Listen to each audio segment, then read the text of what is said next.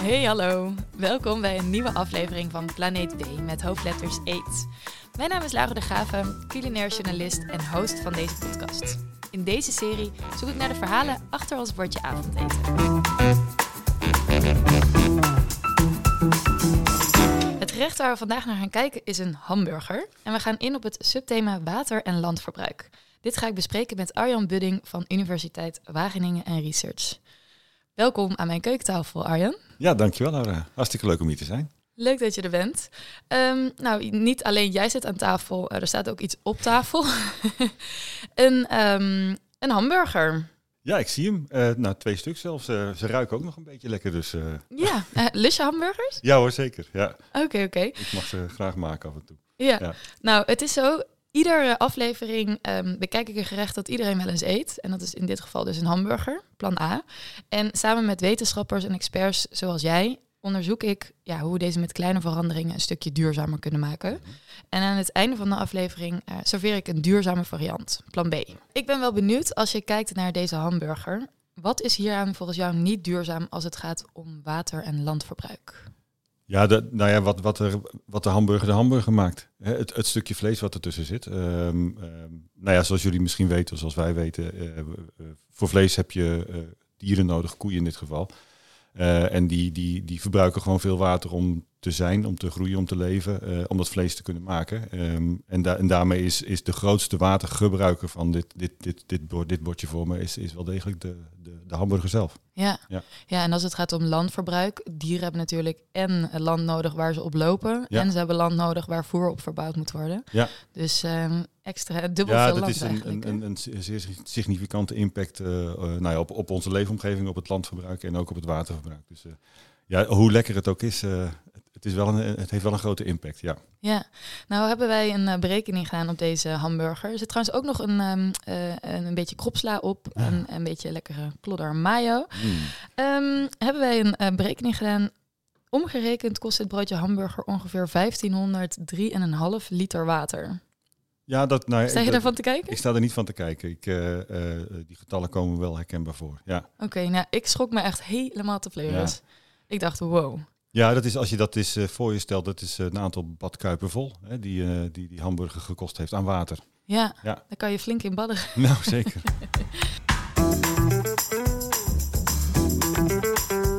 nou, dan gaan we door naar de cijfers op tafel. Um, want dit bordje, dat staat natuurlijk symbool voor een groter probleem. Mm -hmm. Wat is het huidige probleem rondom land- en waterverbruik in Nederland? In, in Nederland, nou goed, we zitten midden in een, in een grote, nou ja, uitdagende tijd, zullen we het zo maar eens noemen. Hè. Uh, met de stikstofcrisis, uh, de kaderrichtlijn water. Uh, onze waterkwaliteit is niet voldoende. Maar de afgelopen jaren worden we ook steeds vaker geconfronteerd met droogte. Het klimaat is echt aan het veranderen. Um, en nou, in net afgelopen vrijdag is, is er een Kamerbrief uitgekomen over hoe, hoe, we in Nederland nu verder moeten gaan met, met water en, en onze bodem. Maar wat we, wat we zien is eigenlijk dat we ja, te veel voedingsstoffen in, in Nederland hebben. We, hebben. we zijn te weinig voorbereid op, op, op de klimaatverandering.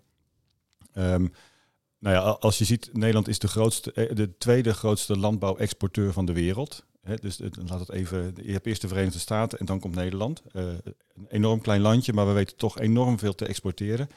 Nou, dat betekent dat dat kan eigenlijk alleen maar als je heel veel ook importeert. Dus heel veel voedingsstoffen in Nederland binnenhaalt. Uh, en dat door heel veel koeien en varkens en kippen uh, heen haalt.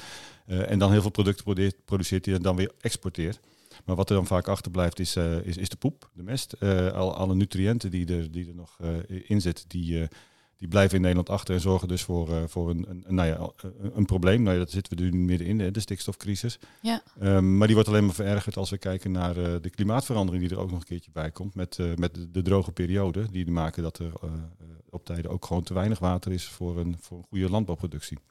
Te weinig water. Ja, ik, ik dacht altijd dat we in Nederland meer dan voldoende water hadden. Ja, ja. Maar dat is dus niet zo, zeg jij. Nou, als je kijkt op jaarbasis hebben we in Nederland voldoende water. Hè? Dus dat is het probleem niet zozeer. Maar we merken nu de laatste, nou ja, vanaf 2018 uh, is het eigenlijk, uh, nou 18, 19, 20 uh, waren droge jaren. 21 was beter, maar 22 was weer een droog jaar. Dat we steeds vaker dus lange droge periodes in de zomer krijgen, waardoor het, nou, het gras niet meer wil groeien, de mais problemen heeft. Nou ja, ik, ik heb verhalen gehoord van in Zeeland dat, dat appelboeren per as, dus met vrachtwagens en met tankwagens water aanvoeren om maar hun oogst veilig te stellen. Ja, dat zijn beelden die we alleen maar kennen uit ontwikkelingslanden. Ja. Dat is nu in Nederland het geval. Steeds meer gaan we ook irrigeren. Hè. Dus we met, met sprinklers, grote sproeiers proberen water te geven. Juist maar om, uh, om, om die droge periode te overbruggen. In de winter is het over het algemeen nat zat. Maar in de zomer zien we steeds vaker droge perioden. Ja, ja. Wow, dus het is echt een, eh, een steeds groter wordend probleem eigenlijk. Ja, ja. ja. Ja, jij, ja, jij bent uh, programmaleider duurzaam watermanagement bij de WUR, bij Wageningen Universiteit en Research. Ja. En dus echt specifiek uh, gespecialiseerd in waterverbruik. Mhm. Wat wordt er momenteel gedaan om het, waterverbruik, uh, om het waterverbruik in de landbouw te minderen? Ja, wat we, nou ja, wat we, we zien is um, dat het, aan de ene kant heb je het waterverbruik, dus dat zijn de gewassen die gebruikt worden. Uh, nou, daar zien we echt wel een verandering ontstaan. En, en we moeten ons gaan voorbereiden op nog meer verandering. Dus andere gewassen gaan vinden die, uh, die wat minder water gebruiken. En die wat beter tegen uh, ook steeds zouter wordend water kunnen. Nou, is weer een nieuw probleem. Hè. We hebben droogte, maar we zien ook dat de, als er minder water uit de rivieren komt, is de druk van het zoete water minder. Dus dan kan het zout, zout uit de zee kan makkelijker binnenkomen. Zo maar even, nou ja, makkelijk uitgelegd. Ja. Uh, en we zien dus met name in het westen zien we steeds vaker uh, dat het water wat brakker wordt. Uh, en dat je dus niet kan gebruiken voor, voor, de, voor de traditionele planten. Dus we moeten ook daar steeds meer gaan nadenken over nieuwe gewassen. Ja. wat we in het oosten zien, de zandgronden van Nederland, daar zijn die zandgronden zijn, nou ja, zo zandig dat als er water valt, schiet het meteen door naar beneden. dus daar zijn we druk bezig met allerlei programma's om te kijken of we die bodem niet wat beter watervasthoudend kunnen maken. Dus meer een spons kunnen we laten worden. Uh, ik zeg altijd maar, het watersysteem begint in de bodem. Daar moeten we beginnen als we water duurzaam willen gaan, uh, gaan, gaan nou ja, beheren in Nederland. Ja. Um, en, en dus, nou gelukkig zijn we, met heel veel collega's werken we daaraan om, om, om ja, die sponswerking van de bodem te gaan verbeteren. Ja, wat goed. Ja. Ik was toevallig een tijdje terug op Texel en daar waren ze inderdaad bezig met ja. ja zilte aardappelen en zilte uh, zeekraal en dat soort dingen verbouwen. En zeg maar, ja, zeekraal wordt natuurlijk altijd, maar ook inderdaad echt andere gewassen. Ja. Dus uh, grappig, uh, leuk dat daar goed om te horen ook dat daar dus echt, ja, dat, dat jullie daarmee bezig zijn. Ja. Nee, niet alleen in Nederland ook, maar ook internationaal is dit het, het grote probleem van de delta's, is de verzilting. Ja. dus we werken ook veel in, nou, in Bangladesh, Vietnam, de Nijldelta om juist ook met boeren en, en, instituten daar samen te kijken van hoe kunnen we nu zorgen dat uh, nou ja, de gewassen die, die we gaan telen of gaan introduceren passen bij het water wat er is. Ja, ja. ja. nice. Hey, um, wat gebeurt er als wij doorgaan met water verbruiken zoals we dat nu doen? Nou, ik, ik denk dat um, uh, ja, we, we, gaan, nou ja, we zullen gaan zien. Kijk, water kunnen we er niet bij toveren. Nee. Uh, dus um, daar zijn we toch wel een beetje afhankelijk van de natuur. Um, en wat we gaan zien is dat het steeds minder makkelijk wordt om, uh, om, om economisch rendabel systeem te hebben. Zeker als, als droogte en, en zout uh, nadrukkelijker op, nou ja, zich manifesteren.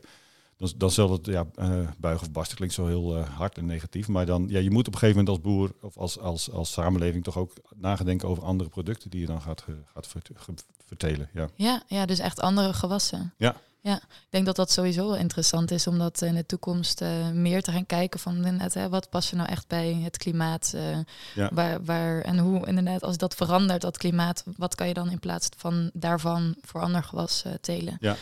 Dus, nee, we zien, um, nou, we hebben alle problemen. We hebben vanuit de WUR hebben we twee, drie jaar geleden hebben we een kaart gemaakt, Nederland 2120, een, een groene toekomst voor Nederland, waarin we vanuit ons, vanuit onze expertise hebben gezegd van als we nu de uitdaging waar we in Nederland voor staan, als we die nu eens, uh, nou, daar nu eens oplossingen voor gaan bedenken. En hoe zou Nederland er dan over 100 jaar uit kunnen zien? En dan krijgen we een heel groen Nederland. Hè. Dat is, uh, we hebben gezegd, we willen graag werken met nature-based solutions. Hè, oplossingen die gebaseerd zijn op de natuur.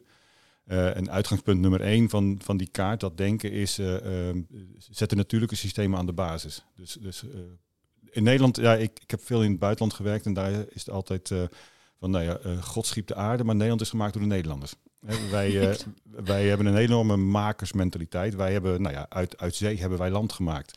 En dat zit heel erg in ons denken en in onze genen haast. Hè. Ehm, en, ik merk toch echt wel dat we tegen de grenzen van die maakbaarheid aan het aanlopen zijn. En dat zie je nu ook in de, uh, nou, in de hele stikstofcrisis, maar ook in de kaderrichtlijn water, hè, de waterkwaliteitscrisis. Ja. Ehm, we moeten, nou, ik denk dat we als samenleving echt voor een verandering staan waarin we steeds meer volgzaam en uh, in, in symbiose of, of in harmonie met, met natuurlijke systemen gaan leven. Hmm. juist ook om, om, om duurzaam en eh, eh, gezond en goed te kunnen blijven leven. Ja, maar wat Ja. houdt dat dan precies in? Hoe- Nou, dat, eh, een van de dingen die nu net eh, concreet gemaakt zijn, eh, dat is die, die Kamerbrief die door eh, de minister is aangeboden over eh, ehm, water en bodem zijn sturend voor de inrichting van Nederland. Ja. Ehm, en dat betekent eigenlijk dat we nou, ja, die natuurlijke systemen van de water- en bodemsystemen, dat we die aan de basis zetten, ook voor de inrichting van Nederland. Zodat we niet gaan zeggen dat we een, bijvoorbeeld eh, een, een, een, een watervragend gewas bovenop een zandgrond zetten. Hè? Of dat je ehm, eh, eh, in de diepste polder van Nederland huizen gaat bouwen. Want je weet gewoon, daar ga je tegen de grens aanlopen. Want Ja. de, de, met stijgende zeespiegel en ook nog de verminderde af of veranderde afvoer vanuit de rivieren, ga je gewoon problemen krijgen op die diepe punten. Ja. Dus laat dat systeem nu gewoon het systeem zijn en kijk wat daar het beste bij past. Eh, en bouw die woningen misschien ergens anders. Hmm. En houdt het Ja. dan ook in dat er misschien ook bepaalde delen van Nederland wel gewoon eh, expres ondergelopen gaan worden? Nou ja, in, in het plaatje, ik, ik denk dat, ehm, dat zeker de diepste put- punten van Nederland, de diepste polders, dat we daar wel eh, over moeten gaan nadenken van is het niet handiger om hier bijvoorbeeld natte landbouw, hè, of, of, of, of eh, eh, bijvoorbeeld eh, dat we wieren of algen gaan kweken. Hè, dat je zegt van nou dat zetten we, dat, daar geven, we- dat stukje geven we dan terug aan het water. Ehm, en dat wil niet zeggen dat het niet productief kan zijn of dat het onderdeel van onze samenleving kan zijn, maar dat we dus wel daarover met elkaar het gesprek aan gaan. Dat Ja. is natuurlijk heel moeilijk als je daar woont toevallig. Ja, dan Ja. heb je wel een, nou ja, dat, dat komt hard binnen. Maar nou ja, goed, het- de Remkes zei al van niet alles kan meer. Hè. We moeten er als samenleving aan gewennen dat dingen anders moeten gaan. In, in die visie van ons, hè, Nederland 2120, eh, zeggen we ook dat de veestapel eh, eigenlijk minimaal gehalveerd zou moeten worden in Nederland. Ja. Nou, dat heeft enorme impact. Hè. En dat, Zeker. dat is voor, zeker als je eh, als boer of, of nee, nu, nu daar je inkomen om verdient, dan, dan, nou, ja, dan heb je dat wel even te verwerken, zeg maar. Inderdaad. Ehm, ehm, maar het is ook een verandering die waarvan we zeggen dat hoeft niet van vandaag op morgen. We moeten er wel aan gaan beginnen. Ehm, maar het is wel een transitie waar we echt stappen in moeten gaan zetten. Niet wachten tot het echt helemaal misgaat. Nee, nee. Hey, en hoe kom je er nou achter of je zelf veel eh, water verbruikt met het eten dat je eet? Ja, nou, dat uh, goede vraag. Ik, denk dat ehm, eh, eh, nou, er is een, een Nederland, Arjen Hoekstra, die heeft twintig jaar geleden het, het, concept of het idee van de water footprint, hè, de watervoetafdruk eh, bedacht. Ja. Uh, en daar zitten wel een aantal interessante tools en uh, uh, daar zou je op kunnen googelen. maar dan kan je wel inzicht krijgen in wat, nou, wat het waterverbruik is van een bepaald product wat je op je bord hebt liggen. Oké, okay. ja. en, en wat is die waterfootprint dan precies? Is dat hetzelfde als een soort uh, CO2-footprint? Ja, nou, misschien wel. Ja, ja, uh, maar dan water. Ja, wat, wat, wat je dan doet, en dat is allemaal uh, heel wetenschappelijk, maar het is een, een, een je maakt dan een, zij, maken dan een, een, sommetje van, nou ja, inderdaad, een koe, hoeveel water drinkt hij op een dag en dat gras wat hij eet, hoeveel water heeft dat nodig. Dus een hele uitgebreide studie doen ze dan naar hoeveel water er nodig is om tot een bepaald product te komen. Ja. ze onderscheiden dan wat verschillende soorten water, groen, blauw en grijs water. Hè. Dus het ene is wat de koe eet, het andere is wat, wat de en dat is water wat dan uh, als neerslag komt. Dus gewoon ja, van nature aanwezig is. Uh, uh, het blauw water is dan water wat je aanvoert en wat je, nou ja, waar je als mens een handeling voor, voor uitvoert. En, en grijs water is water wat je nodig hebt om het, nou ja, het, het, het restproduct uit die productie van dat, van, dat, van het stukje vlees, om dat weer schoon te maken. Wow. Dus het is een hele uitgebreide ja. en, en, goed onderbouwde studie. Dus het, het um, uh, het, het, is zeker uh, om inzicht te krijgen in, in, in je waterverbruik en wat, uh, nou ja, hoe dat, dat, dat, dat menu wat je maakt, hoe, hoeveel water daarvoor nodig is geweest, dat, dat, daar kan je het zeker voor gebruiken. Ja. Ja. ja. Maar en ik kan me ook nog voorstellen dat er een verschil is tussen als je bijvoorbeeld een koe hier in Nederland hebt en een, en, of een, een hamburger uit Nederland hebt of een hamburger uit Argentinië bijvoorbeeld. Ja, ja de, het is in, in waterverbruik. Ja, het is heel erg um, uh, ja, uh, situatiespecifiek. De Nederlandse koe eet echt niet alleen maar gras uit de wei hier. Hè. Die krijgt ook krachtvoer erbij. En dat is misschien soja wat uit Zuid-Amerika komt. Uh, wat daar geteeld is met behulp van water. wat verscheept is. nou ja, allerlei, al, al, die aspecten moet je meewegen. Zo kan je dus ook inderdaad een afweging maken van... de ene hamburger is misschien watervriendelijker of heeft een kleinere waterfootprint dan een andere. En, en als het dan gaat om vleesproducten, dan is rundvlees denk ik dus de slechtste ja. Volgens, ja, ja, ja, ja, rundvlees is wel een, uh, omdat de koe relatief lang leeft. Uh, ja. voordat je, nou, um, uh, varkens zijn wat, wat minder waterbehoefte en kippen nog minder. Maar, ja. ja. Oké, okay, nou, geen, geen rundvlees meer voor mij. we hebben het nu um, eigenlijk met name over vlees gehad. Zijn er ook Mhm. Groenten die veel water verbruiken? Ja, zeker. Daar is ook een groot verschil. En wat we, ehm, nou ja, een product wat steeds, steeds meer eh, nu in, in de belangstelling komt, eh, eh, is, is bijvoorbeeld avocado. Heerlijk, hè? Guacamole. Mm. Ja. Eh, bij de hamburger. Ehm, maar ehm, eh, die verbruikt dus ook heel veel water. En omdat die vaak in een tropische context wordt, nou ja, heeft tropen nodig om te kunnen groeien. Eh, eh, op, ook op plekken waar wat minder water is, zie je dat het daar een enorme impact kan hebben als daar de avocado wordt geïntroduceerd. Dus dat het eh, tot, echt tot de regionale verdroging leidt. Eh 1 kilo avocado heeft ruim 300 eh, liter water nodig. Eh, nou ja, dat hebben we allemaal nodig. En dan transporteren we het helemaal de oceaan over naar Nederland om daar eh guacamole van te maken. Maar dat is, dus ook daar kan je zeker eh, ehm, eh, stappen zetten door, eh, door wat bewuster met, met producten om te gaan. Ja. Ja. Ja. En ehm, nog andere groenten of andere producten die veel water kosten? Bijvoorbeeld nou ja, pinda's, hè, waar we lekkere pindakaas van kunnen maken. Daar heb je ongeveer bijna 3000 liter voor nodig om een kilo pinda's te produceren. Wow. Dus dat is, nou ja, als je dan een potje pindakaas hebt van 500 gram, nou ja, denk maar eens na, hoeveel uit. water zit erachter? Ja, no! gigantisch hè? Ja. Een pindakaas. Nou. nou, ik kan Ja. ook wel zonder pindakaas. Ik moet heel eerlijk zeggen dat ik eigenlijk de avocado's al had, opgegeven. Die eet ik al eh, ruim eh, een jaar niet meer. Nee, Maar ja, vanwege het water? Ja, omdat ik, Ja. ja, omdat ik echt eh, ja, toch wel anders ben gaan eten. Ja. Door, Ja, we zijn nu in Wageningen druk aan het kijken en aan het onderzoeken hoe we ook, eh, of er ook variëteiten zijn die minder water verbruiken. Hè, eh, eh, omdat we toch ook zien dat nou ja, de, mensen willen toch heel graag avocado's. En het zou mooi zijn als we een avocado kunnen ontdekken hè, door veredeling of Ja. die minder water verbruikt. Oké, Ja. ja. Hey, en, en drinken? Nou, bijvoorbeeld voor een kop koffie heb je 132 liter water nodig. Dus één kopje koffie, 132 liter. Wow. Ja, Ik dacht altijd, je moet zo'n kopje water daarbij drinken. ja, omdat dat gezond is. ja, maar ja. nee, maar dat in- kost dus in, 100. het groeien van de, van de 32 struiken liter. en de bonen. Ja, 132 liter. Ongelooflijk. Ja. Nou, Gigantisch, verantwoording nemen wordt dit. Ja, en op zich is, eh, kijk, eh, ehm, eh, er, is, er is water op de aarde en eh, gebruik is op zich ook geen schande. We kunnen ook niet zonder water. eh, ehm, maar meer bewustzijn kan zeker eh, helpen om, eh, om de grote watervraagstukken wat kleiner te maken. Ja. Ja. Eh, ja, om in de praktijk te kijken hoe we land- en waterverbruik tegen kunnen gaan, ben ik voor mijn plan B op bezoek gegaan bij Art van de Kreken eh, van Vertical Farm Growy Farm. En zij telen onder andere duurzame sla. Laten we gaan luisteren. Oké.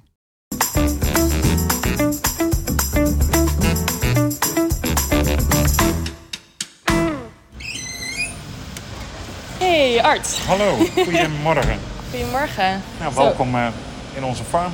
Ja, Vertical Farm. Ja. Vertel eens, wat is dat precies? ja, we gaan hier de hoogte in. Dus we telen in 20, 30 lagen boven elkaar bladgroenten.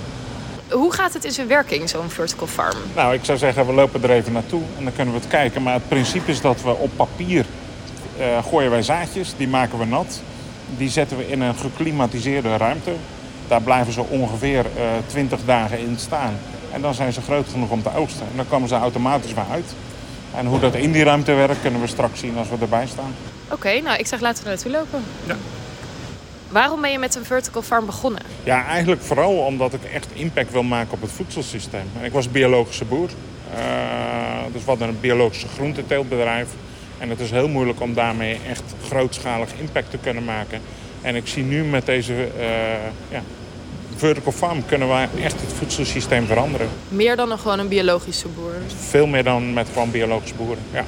Ja. Dus het is duurzamer, minder uitstoot, minder CO2, eh, minder nutriënten, minder water en een hogere productie. Geen landgebruik. Het is een aantal grote voordelen waarvan ik denk, ja, als we dit echt kunnen ontwikkelen naar een praktische tool, ja, dan zou ik hier heel graag mijn energie in stoppen. Ja. Wat voor dingen ge- verbouwen jullie allemaal? Ja, vooral nu echt bladgroenten. Wat we nu veel, eh, wat je ziet staan hier, is voor klanten, voor restaurants. Dus echt microgreens zoals wij het noemen. Maar we kunnen ook salades maken en kruiden, zoals je vandaag in de supermarkt ziet. En hoeveel bladgroenten en kruiden produceren jullie per jaar ongeveer? Ja, nu maar een, een, een paar duizend kilo, dus geen mega hoeveel. We lopen ondertussen de cel in. Ja. Eh, nu is de productie nog vrij kleinschalig, omdat we nu echt voor restaurants maken.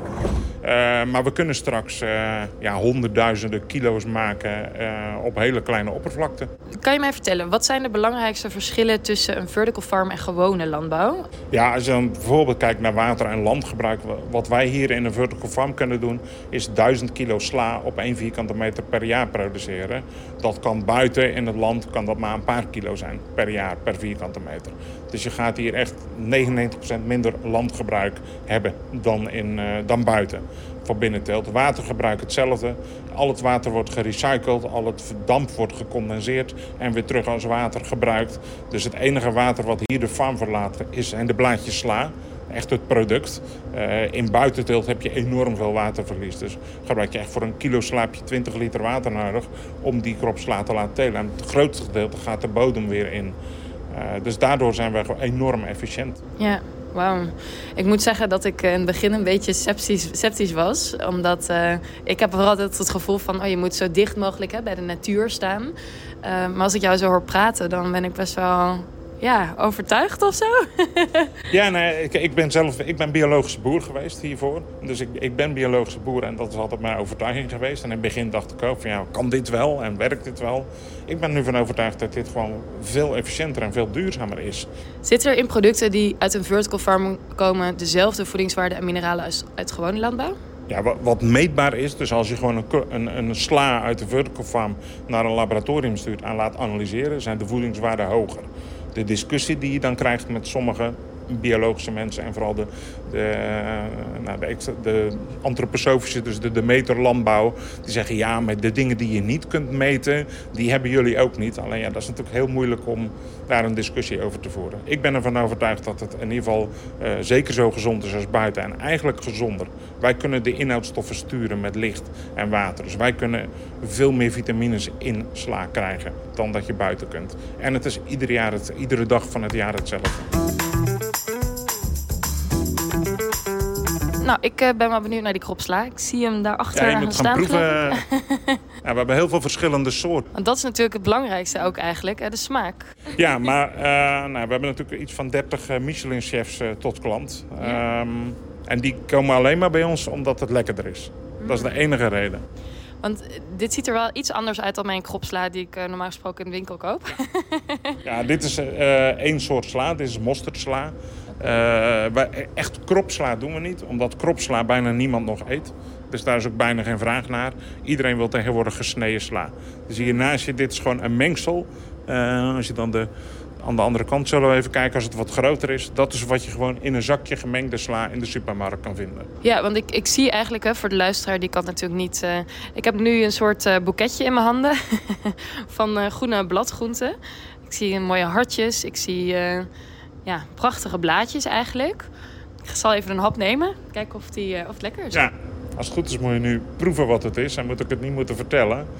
Want de smaak is echt heel, heel, heel overheersend, heel, heel heftig. Mm. Wij kunnen enorm wow. op, sma op, smaak telen. Ja, het is echt um, inderdaad wat je, ja, wat je eigenlijk net al zei, mosterd. Beetje pittig. Um, ja, super lekker wel. Ja. ja. echt ja, heerlijk. Ja, heel smaakvol. Ja. Deze is ook al je had net al mosterd. Uh, dit is ook een mosterd, maar een iets andere. En dan kun je het verschil proeven. Ja, ik wow. zal het zeggen, dit is een, dit is een wasabi mosterd. Ik wou zeggen, dit is een wat pittiger ja. mosterd. maar het is heel grappig dat je eigenlijk met, met twee blaadjes ja. smaak in je mond krijgt. Alsof je een uh, eetlepel wasabi opeet. Dit is echt bizar, inderdaad. Ja. Wauw. Nou, dit is dus de reden waarom chefs bij ons hun spullen komen halen. Ja. Hey, en wanneer is dit voor de gewone consument uh, beschikbaar? In principe is dit, uh, wij willen over een half jaar gaan we in de supermarkt liggen. Dus we gaan in januari bouwen en uh, zomer volgend jaar liggen wij gewoon in de supermarkt met zakjes sla. En, en waar wordt dat dan verbouwd? Hebben jullie één hele grote loods in Nederland? Ja, wij willen uh, zo dicht mogelijk bij de consument zitten. Dus we willen proberen om natuurlijk geen transportketen te hebben. Uh, dus ons doel is om het op het distributiecentrum van een supermarkt te telen. De eerste farm gaan we hier in Amsterdam bouwen op het Amsterdam Logistics City Hub. Dat is een, logistiek centrum waar eigenlijk de last mile naar de stad plaats gaat vinden. Dus daar kunnen vrachtauto's overal vandaan aankomen met voedsel. En dan kan het met elektrische bootjes of fietsen of busjes de stad in. Uh, en wij gaan daar op dat centrum gaan we produceren dan zitten we in ons idee zo dicht mogelijk bij de consument. Terwijl we toch nog grootschalig zijn en toch nog dus heel efficiënt en betaalbaar zijn.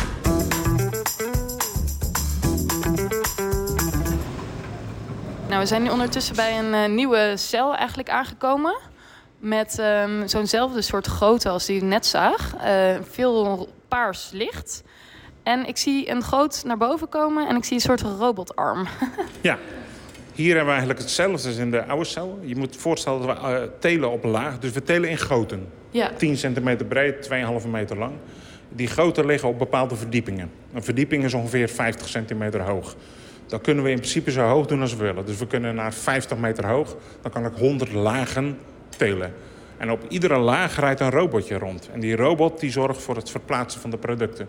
Dus die zorgt dat het product iedere dag op de juiste plaats in de farm ligt. En we kunnen iedere laag geven wij ander licht, ander klimaat en ander water mee. Dat betekent dat producten eigenlijk iedere dag kunnen krijgen wat ze nodig hebben die dag. Want een plantje heeft niet altijd hetzelfde nodig. We kunnen dat hier kunnen we dat verschil maken. En robots hebben we ronddraaien op iedere laag. Die verplaatsen de goten. Maar die robots geven ook de goten water. Dat is hij nu aan het doen. ja. Dus de robot geeft nu water. Die gaat alle goten af, één voor één. En die geeft iedere goot het water wat hij nu nodig heeft. Hij weegt ook automatisch iedere goot. En hij maakt foto's. En die foto's die gaan de cloud in. Dus we hebben iedere dag miljoenen foto's.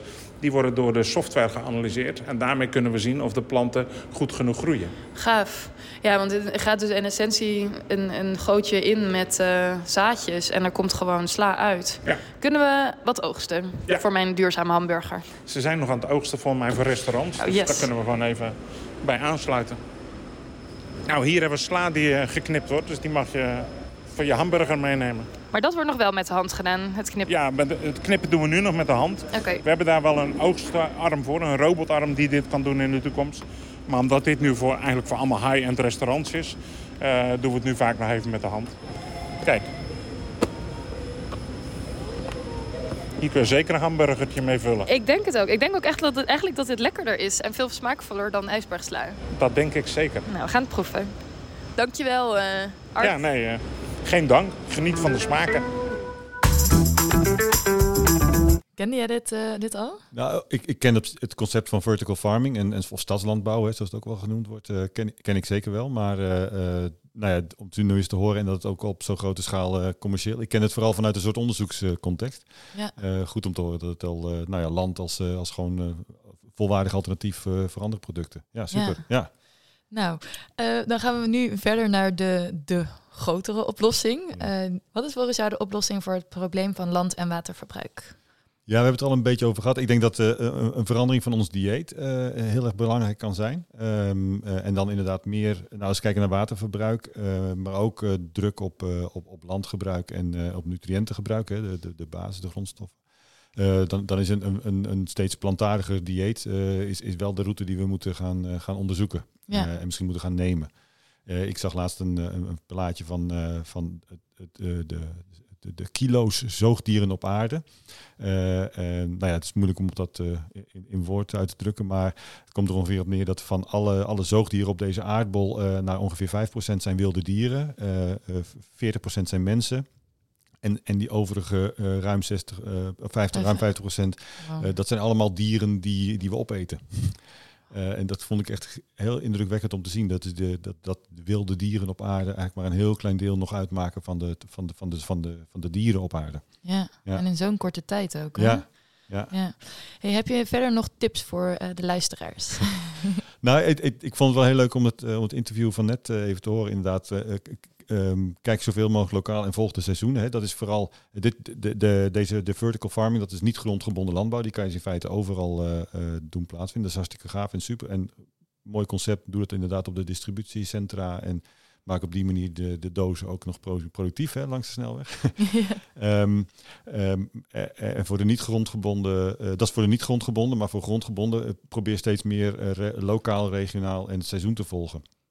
Dus ja, tomaten in, in, midden in de winter, ja, die, die komen uit een omgeving, nou ja, niet, of, of niet uit de buurt, of uit een soort kunstmatig systeem, want die je niet vanzelf in Nederland. Nee. Ehm, Je eh, kunt ook niet in eh, vertical farms gaan groeien. ja, nou, vast wel hoor. Er zijn de, ze- ja, goed, op zich de tomaten in de Nederlandse kassen die zijn al eh, nou, behoorlijk duurzaam Ja, als je ze Ja. bekijkt. Maar goed, nog steeds moet er wel aan temperatuur iets gedaan worden. En eh, Ja. het, het- is niet een seizoensproduct. Nee. Dus we maken wel een kunst- kunstmatig eh, systeem.